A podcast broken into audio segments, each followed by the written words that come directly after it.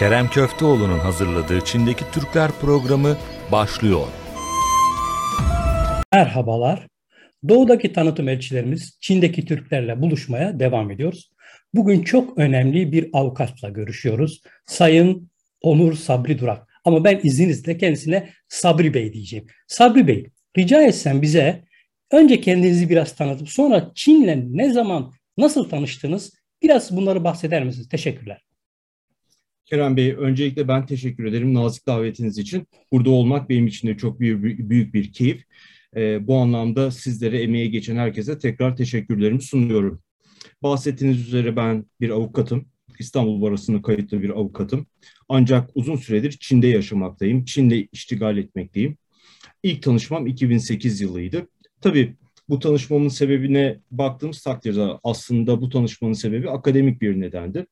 Ben Türkiye'de lisans ve yüksek lisans eğitimlerimi tamamladıktan sonra doktora eğitimi için Çin'e gelmiştim. Deniz hukuk alanında doktora çalışmalarımı yapmak üzere e, 2007 yılının sonu 2008 yılı başı itibariyle Çin'in Şangay kentine geldim. Bu e, dönemde doktora yaptığım dönemde 2008-2013 yılları arasında e, başta Şanghay olmak üzere Çin'in birçok kentinde bulundum birçok akademik aktivite içerisinde yer aldım. Birçok akademik enstitüde, üniversitede veyahut da çalışma ortamında bulunduğumu söyleyebilirim. 2013 yılı itibariyle sonunda Türkiye'ye geri döndüm. Bu süre zarfında İstanbul Teknik Üniversitesi Denizcilik Fakültesi'nde öğretim görevlisi olarak deniz hukuku derslerini vermeye devam ettim. 2017'nin sonu 2018 başı itibariyle tekrar hem ailevi sebeplerle hem akademik çalışmaları yürütmek hem de avukatlık faaliyetlerini yürütmek üzere tekrar Şanghay'a geldim. 2018-2021 ee, Mart dönemi içerisinde bir uluslararası bir şirketin aynı zamanda hukuk baş müşavirliğini yaparken e, biraz sonra bahsedebileceğimiz üzere Şanghai Jiaotong Üniversitesi Kogan Hukuk Fakültesi'nde de e, bir enstitüsünde ders vermeye devam ediyorum. Özetle söylemek gerekirse benim Çin geçmişim 2008 yılının başına kadar dayanmakta yaklaşık bir 13 senelik süreç. Arada başka ülkelerde, Türkiye'de vesaire bulunmakla beraber e, bir 13 senelik zaman zarfını buraya hasrettiğimizi, burada geçirdiğimizi söylememiz mümkün.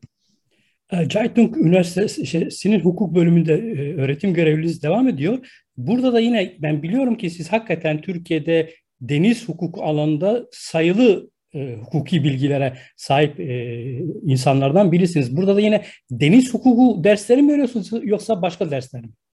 Ee, şöyle ki deniz hukukuyla yine paralel bir anlamda benim son dönem e, çalışmalarımın, akademik çalışmalarımın bir kesimini oluşturan kutup hukuku üzerine çalışıyorum. Özellikle de Antarktika e, üzerine, Antarktika hukuku üzerine. Kısmen Arktik hukuku da olmakla beraber ağırlıklı olarak Antarktika hukuku üzerine, kutup hukuku üzerine, derin deniz yatağı, derin deniz yatağının işletilmesi, deniz madenciliği ve benzeri gibi konularda Şah Atatürk Üniversitesi Kogan Hukuk Fakültesi'nde e, hem fakültede hem de araştırma enstitüsünde çalışmalarımı yürütüyorum. Şimdi siz tabii Antarktika dediğiniz bazılarına nereden çıktı Antarktika falan diyor. Fakat e, küresel ısınmanın ve iklim değişikliğinin günden güne e, hissettirdiği, kendini hissettirdiği ve bir sürü felaketler yol açtığı bir dönemde sanıyorum Antarktika kısmına biraz daha bir parantez açmamız biraz daha o konuda neden önemli? Çünkü oraya giden yanılmıyorsam ilk Türk e, hukukçusunuz, ilk Türk araştırmacılar ekibindensiniz. Biraz o Antarktika'nın öneminden bahseder misiniz rica etsem? Hay hay aslında benim e, kutup hukukuyla tanışmam da doktora yaptığım döneme denk geldi. Burada ders aldığım bir hocam, e, ışıklar içinde uyusun Amerikalı bir hocam da David Karen. E, kendisi emekli bir e, deniz subayı ve hukukçuydu ders anlattığı sırada kutup hukukuyla tanışmıştım ben. Yani tanışmam da yine kutup hukukuyla tanışmam da Çin vesilesiyle olmuştu.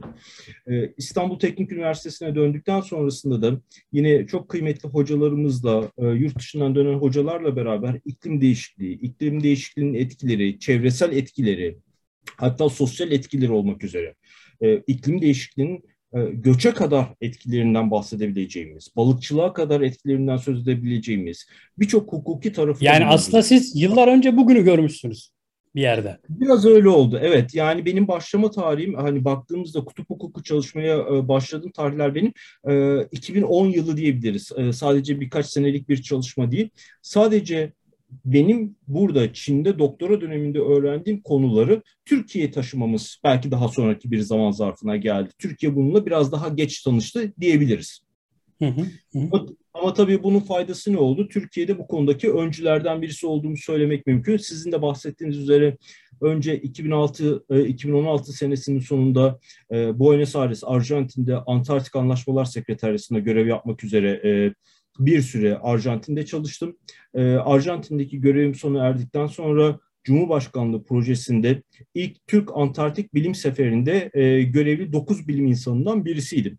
Bu vesileyle e, Antarktika'da Türk Bilim Üssü'nün kurulacağı yerin tespiti çalışmalarını yapmak üzere e, 9 kişilik heyette yer aldım. Ve dediğiniz gibi Türkiye'den Antarktika'ya giden ilk hukukçuydum. Ve ilk bilim heyetinin içerisinde yer aldık. İlk milli bilim, bilim heyetinin içerisinde yer aldık. Sonrasında da bu tecrübelerimizi tabii ki uluslararası toplantılara da aktarmaya çalıştık. E, hangi vesilelerle oldu diye baktığımızda Antarktik Anlaşmalar Sistemi e, istişare toplantılarında Türkiye'yi temsil etme fırsatımız oldu.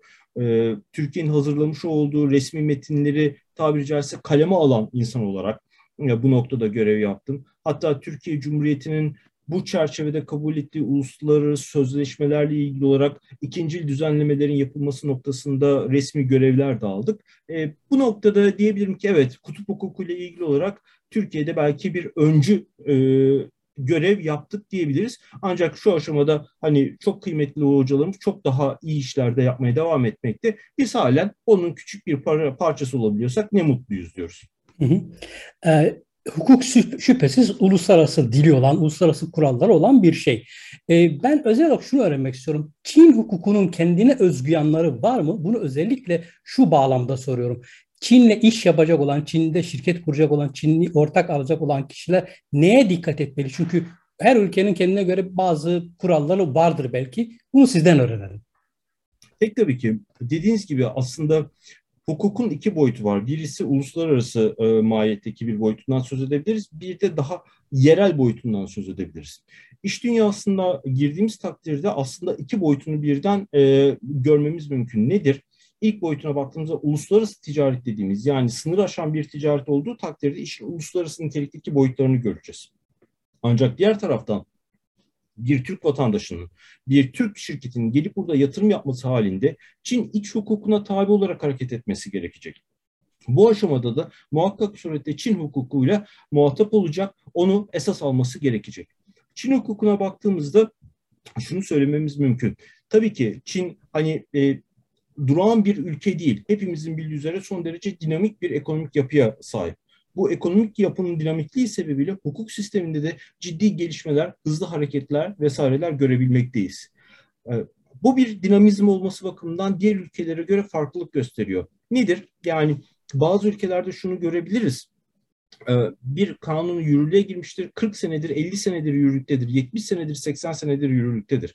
Ancak Çin'e baktığımızda durum biraz daha farklı. Çin'de e, yeni düzenlemelerle hemen hemen her gün karşılaşmaktayız. Bu anlamda mevzuatın takibinin güç olduğu bir coğrafya olmasından söz edebiliyoruz. İkincisi ülkenin tabii ki politik yapısında göz önüne aldığımızda kendine has karakteristiklerin bulunduğunu söyleyebiliriz. Bir taraftan evet ekonominin son derece dinamik olduğu bir yapı söz konusu ancak diğer yanda da sosyalist bir rejimin getirmiş olduğu düzenlemelerle karşı karşıyayız. Bu yönüyle de kendine has karakteristikleri barındıran bir ülke.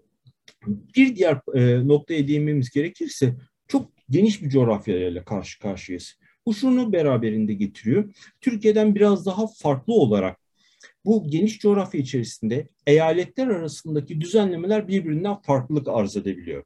Yani A eyaletiyle B eyaleti arasında belirli kurallar veyahut da belirli iş yapma şekillerine baktığımızda, karşılaştırdığımızda bunları birbirinden farklılıklar görebiliyoruz. Bunun en kolay örneğini şurada karşımıza çıkabilir. Ee, bir yabancı yatırımcı Çin'e geldiği takdirde şirket kurmak isterse A eyaletiyle B eyaletinde bu şirketin kuruluşu için istenecek olan belgeler birbirinden farklı. Tabii bu şu anlama geliyor. Türkiye'de siz İstanbul'da bir şirket kurmak istediğinizde veyahut da Ankara'da bir şirket kurmak istediğinizde sizden istenen belgeler birbirinden farklı değil tabi olduğunuz düzenlemeler, şirket kuruluşuna ilişkin usuller ve istenen belgeler aynı. Ama Çin'e baktığımızda bırakın bazen aynı eyaleti, aynı eyalet içerisindeki farklı şehirlerde bile sizden farklı belgeler istiyorlar. Bu tabii biraz lokalize olmuş bir hukuk sisteminin varlığı sebebiyle e, uygulama safhasında yabancı yatırımcılar için güçlükler yaratabiliyor. Bu güçlüklerin önüne geçmek için de hani bizlerin burada tavsiye edebileceği şey bu coğrafyayı tanıyan insanlarla bu coğrafyanın hukuki sistemindeki farklılıkları anlayabilecek, buradan doğabilecek sorunları çözebilecek insanlarla çalışmaları veyahut da işe böyle başlamaları en azından işin başlangıç safhasındaki zorlukların önüne geçmek, bunları azaltmak adına bir fayda olarak karşımıza çıkacaktır. Hı hı. E, siz zaten aslında sizin gibi insanlara başvuruları gerekiyor. Neden? Şimdi siz çok e, mütevazı bir insansınız. Pek söylemiyorsunuz. Ben araştırdım. E, siz birçok ilke imza atmışsınız. Biraz önce bir tanesinden bahsettik de bu Antarktika'da kutup hukuku üzerine. Sonra uluslararası hukuk alanında bursiye, ilk bursiyerlerden birisiniz. Burada da çok ciddi çalışmalarınız olmuş. Şimdi bu iki sadece örneğini verdiğim bu iki örnekten de eminim önemli bilgiler, önemli deneyimler kazandınız ve bunlar özellikle uluslararası hukuk anlamında bir sorun çıktığında buna çok e, pratik, çok kolay çözüm üretme noktasında sanıyorum size epey şeyler katmıştır. Yanılıyor muyum? Çok doğru bir tespitiniz var. Ee, bahsettiğiniz bursiyerlik konusu e, Jamaika merkezli Uluslararası Deniz Yatağı Otoritesi'nin e, bir bursiyeriydim 2015 yılı itibariyle. Esas itibariyle bu Uluslararası Deniz Hukuku Sözleşmesi'nin altında kurulmuş bir organizasyondur. Jamaika merkezlidir, Kingston'dadır. 2015 ee, yılında Türkiye'den e, kabul alan ilk bursiyerdim ben. 2015 yılına kadar daha önce başka bir Türk bursiyer de olmamış. İlk bursiyerleri bendim. Bu anlamda evet, bu da bir benim hayatımda ilk oldu. Bunun gibi başkaca e, uluslararası hukuk anlamındaki çeşitli ilkler, çeşitli bursiyerliklerimiz vesaireler de oldu. Bu muhakkak surette bir bakış açısı kazandırdı. En azından şunu anlayabilmeye başladık. Bizim ülkemizin dışında da çeşitli e, kurallar var.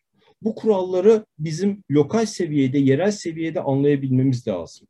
Yoksa sadece bir Türk iş insanı olarak Türkiye'deki hukuk kurallarına bağlı olarak geliştireceğimiz bir anlayış veyahut da yaklaşım hedef ülkede çok verimli sonuçlar doğurmayabiliyor. Yani bu anlamda aslında hukukun biraz daha ticareti kolaylaştırıcı olarak nasıl hareket edeceğinden yola çıkmaya başladım ben. Hedef ülkeye baktığımızda öncelikle o hedef ülkenin nasıl bir hukuk sistemi olduğunu anlayıp burada işleri nasıl kolaylaştıracağı konusunda adım atarak Türk iş dünyasına veyahut da yabancı yatırımcılara yardımcı olmanın bir e, çalışma prensibi olması noktasında uluslararası hukukta olan bu meşguliyetim bana son derece yardımcı oldu. Hı hı. E, Sabri Bey şimdi siz Çin'e ilk gittiğinizde en çok neye şaşırdınız ya da halen şaşırdığınız şeyler var mı? Belki bir iki anekdotu hatırlarsanız paylaşırsanız sevinirim. Pek tabii ki yani şunu söylemek mümkün. E, Çin'e geldiğimizde aslında e, şunu söyleyebiliriz ki biraz ön yargılıydık. Çünkü e, ne yazık ki ülkemizde o dönem zarfında e, ülkelere bakış açısı biraz daha dogmatikti. E, iletişim kanallarının, sosyal medya kanallarının bu kadar da yoğun olmadığı bir dönem içerisinde Çin'le ilgili öngörülerimiz ne yazık ki daha kısıtlı vaziyetteydi. Çin'in bu kadar dinamik olduğunu, özellikle Şangay gibi büyük kentlerin, finans e, kentlerin, uluslararası kentlerin ne kadar gelişmiş olduğunu öngöremedik. E, bu benle birlikte olmakla e, beraber aslında e, en böyle can alıcı hatıralardan birisi şu olmuştu. 2008 yılında ailem beni ziyarete Çin'e geldiler. E, işte Pudong'dan, havalimanından aldım kalacakları otele kadar yerleştirdim. Ben o dönemde doktor öğrencisiyim, üniversitede kalıyorum vesaire. Yani biraz dinlendiler. Onları Pudong tarafına götürdüm. Sizin de malumunuzdur Pudong tabiri caizse e, bu bölgenin e, Asya'nın e, Manhattan'ı diyebileceğimiz bir coğrafyadır. Gökdelenler, iş merkezleri vesaireler şudur budur. E, babamın şöyle bir tepkisi olmuştu. Demişti ki oğlum uçağımız doğru yere mi indi dedi. Yani çünkü e, öyle bir e, dogmatik e, yaklaşımda Çin anlatılmış vaziyetteydi ki e, kendisinin Çin'le ilgili öngörüsü, beklentileri çok daha farklı vaziyetteydi. Kafasındaki Ve, Çin başkaydı. Çok çok farklı çok farklı bir Çin söz konusu. Ki bu benim söylediğim 2008 yılıydı bakınız. O dönemde dahi aslında e, biz tabiri caizse bu treni ne kadar kaçırmıştık. Yani ne kadar öngörememiştik Çin'deki gelişmeleri. Bu sadece basit bir anekdot olarak hani e, babamla geçen o dönemde yaşadığımız bir e, konuşmanın çok kısa bir bölümüydü. Ee, şimdi çok önemli bir konuya geleceğiz ki sizin de çok emeğinizin olduğu e, bir konu.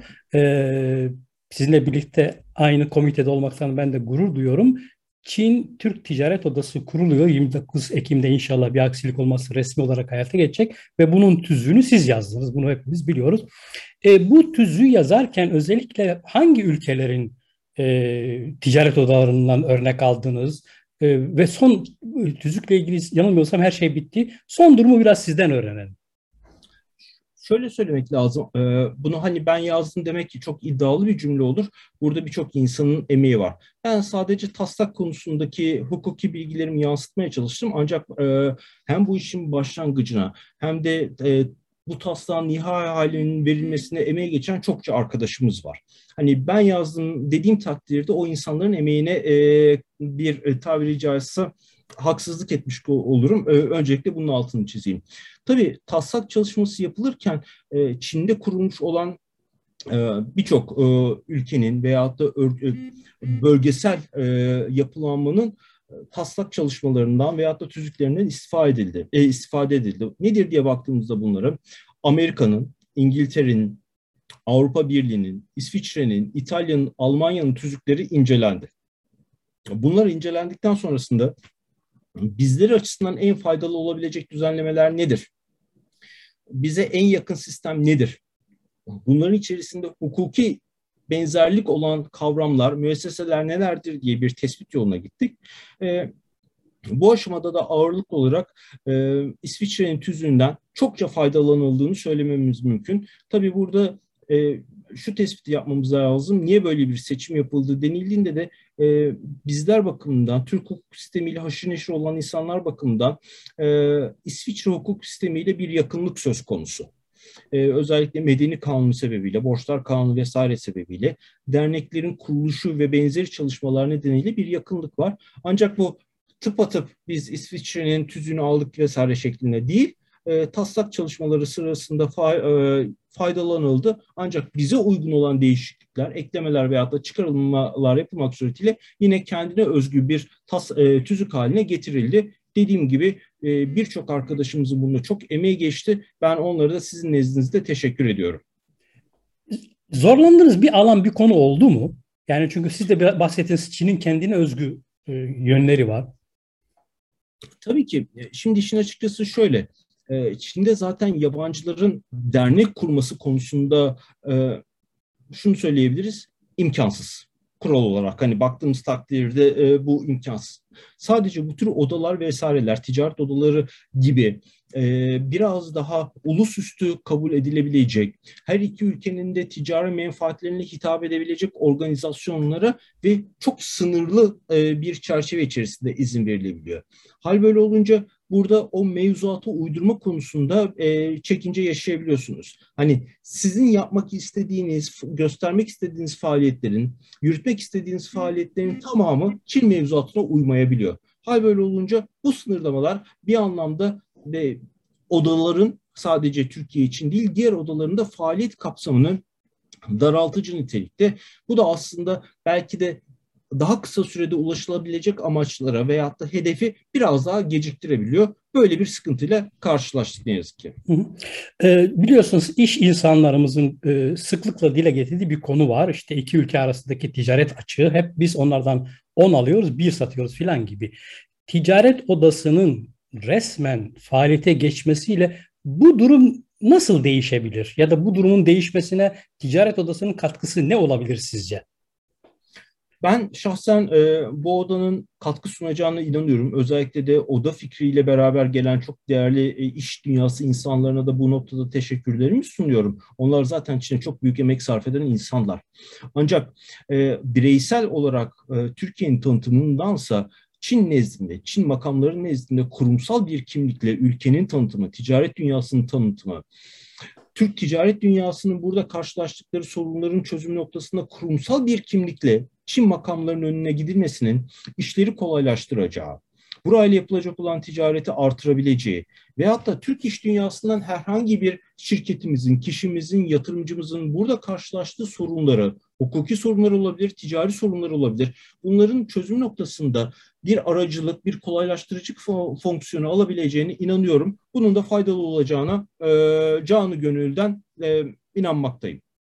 E, Sabri Bey siz aynı zamanda marka ve patent avukatısınız. Bu şapkanızdan evet. hareketle Çin'de markalaşmak isteyen Türk girişimcilere, Türk şirketlerine neler öneriyorsunuz? Bu aslında Türk şirketler için bir e, yarayan kanı. Bunu söylememiz mümkün. Ne yazık ki e, Türk iş dünyası marka konusunda e, küresel bir bilinci tam olarak oturamamış vaziyette. Bunu üzülerek söylüyorum. Ki Çin gibi bir coğrafya içerisinde Çin'le iş yapmasanız dahi ancak iş yapabileceğinizi düşünerek 3 sene sonra, 5 sene sonra vesaire her neyse buna uygun olarak burada marka tescilinizi yaptırmanızın sizin haklarınızı koruyucu nitelikte olduğunu söyleyebilmemiz mümkün. Bu anlamda e, benim üzüntüm şu. Ne yazık ki Türk iş dünyasından yatırımcılarımız, şirketlerimiz burada marka tescili yaptırmak konusunda geç kalıyorlar. Yani şöyle bir durumla karşı karşıya kalıyoruz. E, Çin piyasasına girmeyi planlıyor. Buraya ürünlerini satmaya başlıyor. Ürünlerini satmaya başladıktan sonra biz marka tescili yaptıralım diyorlar. Hayır. Bu çok yanlış bir yöntem. Meşhur isti markadan gelsin mantığı. Kesinlikle. Şimdi e, belki burada tic- e, ticari, ekonomik kaygılar olabilir ama şunu söyleyebiliriz. Bir marka tescili denilen e, konu hukuki olarak da, ticari olarak da, ekonomik olarak da çok büyük külfetleri olan bir şey değil. Olması gereken, Çin'e girmek isteyen markalarımızın girmeden belki aylar öncesinden hatta bir sene öncesinden marka tescillerini yaptırmaları, bu süre zarfında eğer ki bir itiraz varsa, markaya yönelik olarak bir itiraz varsa, bu itirazın çözümüyle ilgili hukuki bütün tedbirlerin alınması, marka buraya girdiğinde, ürünler buraya girdiğinde veyahut da hizmetler buraya girdiğinde bu ürün veyahut da hizmetin herhangi bir marka ile ilgili itiraza konu olmaksızın piyasada faaliyet gösterebilmesidir.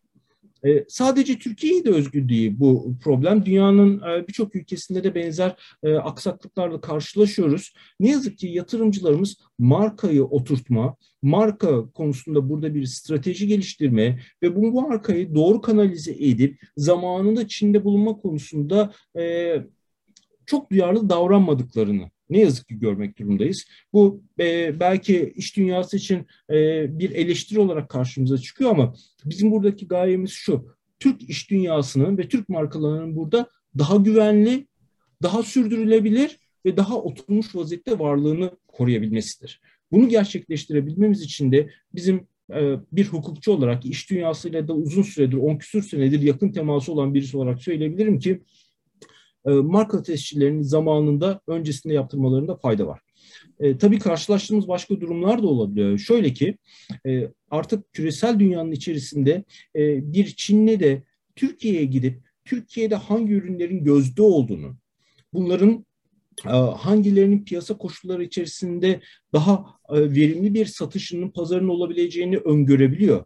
Sonrasında ne yapıyor? Bu adam geliyor bir bakıyorsunuz Türkiye'nin ünlü e, markalarını Çin'de tescil ettirmiş olabiliyor. Yani onlarca, yüzlerce Türk markasını tescil ettirmiş olabiliyor. Eğer ki Türk yatırımcı, Türk girişimci zamanında hareket etmezse kendi markasını bir anda Çin'de bir Çinli tarafından tescil ettirmiş olduğunu bulabiliyor. Sonrasında bu markayı alabilmek için, marka devrini yapabilmek için o kadar yüksek ücretler ödemek zorunda kalıyorlar ki burada markaya yatıracakları e, tabiri caizse e, miktarın kat be kat fazlasını. Bazen öyle rakamlar duyuyoruz ki bir marka tescili için yaptırması gereken rakamın 100 katını sadece marka devri için o tescili yaptıran kişiye ödemek zorunda kalıyorlar. Ya da ürünlerini buraya göndermiş oluyor. Hiç farkında bile değil. Markasını birisi tescil ettirmiş vaziyette gümrükte malları durduruluyor. Bir anda bakıyorsunuz. Ya da burada farkında olmadan üretim yaptırıyor o markayla beraber dünyanın bir ülkesine satmaya kalkıyor. Sonrasında bir bakılıyor ki o marka Çin'den çıkamıyor. Peki Bunun bu noktada şunu öğrenmek istiyorum. Madrid Anlaşması denen ki siz benden çok daha iyi bilirsiniz. Bu burada bu tip yani hani böyle iyi niyetli olmayan şeylere bir engel getirmiyor mu? Getiremiyor mu? şu bizim ne yazık ki işte Türk iş dünyasının yanılgıya düştüğü hususlardan birisi Madrid tescil sistemi içerisinde tescil edilen bir markanın tekrar Çin'de tescil edilmeyeceği şeklinde bir algı var. Hmm. Yan- bu yanlış bir algı. Ne yazık ki sizin markanız Madrid sistemi içerisinde tescil edilmiş olsa dahi aynı markayı sizin Çin'de ayrıca tescil ettirmeniz gerekiyor. Bu hata sebebiyle, bu algıdaki hata sebebiyle ne yazık ki iş dünyamız e, buradaki marka tescilini biraz kulak arkası etmekte. Yani dolayısıyla Bu- mutlaka Çin'de tescil ettirmeleri gerekir. Kesinlikle. Sizin markanız Madrid sistemine dahil olsa dahi sizin gelip ayrıca burada markanızı tescil ettirmeniz gerekiyor ki tam bir korumadan yararlanabilirsiniz. Aksi takdirde ne yazık ki ama ne yazık ki birçok markamızı, birçok ünlü ismimizi vesaireyi e, tabiri caizse kaptırabiliyoruz. E, Türk iş insanlarının hangi bölgede, hangi sektörlerde ne tür faaliyetlere girerlerse orada onlara bir kapı açılır, orada bir fırsat vardır. Çin aslında kendi iç piyasasında talebi arttırmak istiyor. Bu talebi arttırmak istediği noktada da çeşitli tedbirleri alması gerekiyor vesaire. Bunlar devletle ilgili konular. Ancak talebi artırması demek aslında diğer ülkelerde olduğu üzere Türkiye içinden içinde bir e, fırsat olarak karşımıza çıkıyor. Yani insanların burada daha fazla talebi söz konusu olacak, daha fazla harcaması olacak. E, ihracata dayalı sistemden daha ziyade içeride tüketime yönelik bir sistem geliştirilecek.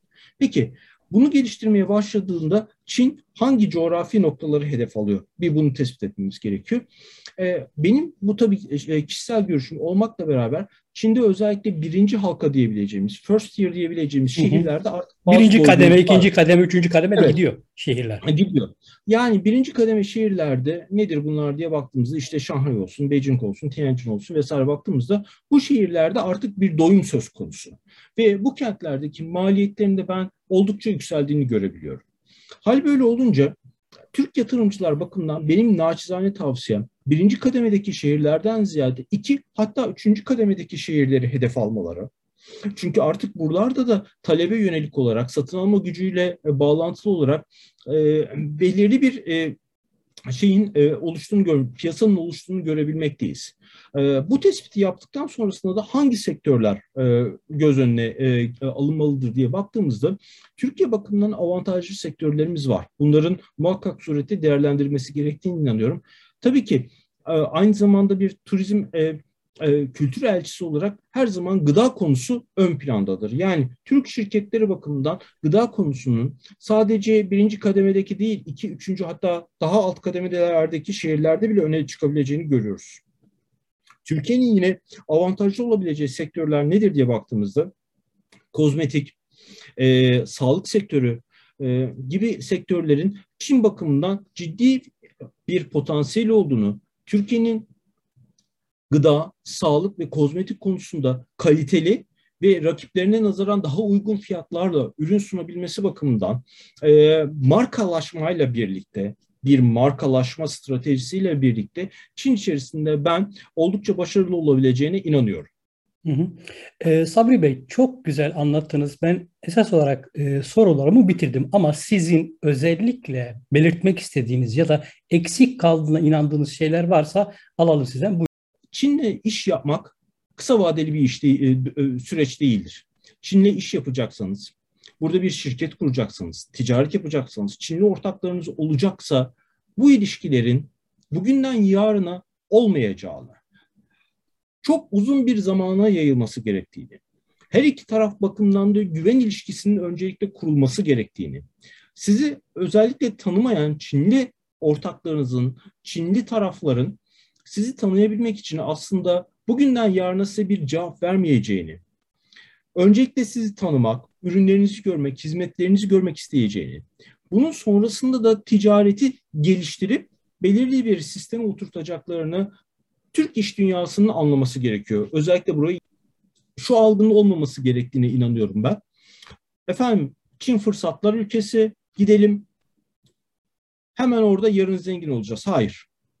Bu yaklaşımda Çin'e gelinmemesi gerekiyor. Aksine Çin'e gideceğiz. Çin'de kalacağız. Çin kültürünü öğreneceğiz. Çinli dostlarımızla birlikte oturacağız, kalkacağız. Onları ziyaret edeceğiz. Onlar bizi ziyaret edecekler. Ürünlerimizi tanıyacaklar ve bu bir süreç alacak. Evet bu bir yatırım maliyeti olarak karşımıza çıkabilir ama Çin'de iş yapmanın sürdürülebilir olması bakımından uzun vadeli ilişkilerin kurulacağını göz önüne almamız gerekiyor. Ek olarak bunu söyleyebilirim. Çok Unutmayın. teşekkür ederim. Doğu'nun sabah yıldızı Çin, Batı'nın akşam yıldızı Türkiye'ye birçok fırsatlar sunuyor. Yeter ki gözümüzü ve algımızı açık tutalım. Yeni bir programda buluşuncaya kadar hoşça kalın.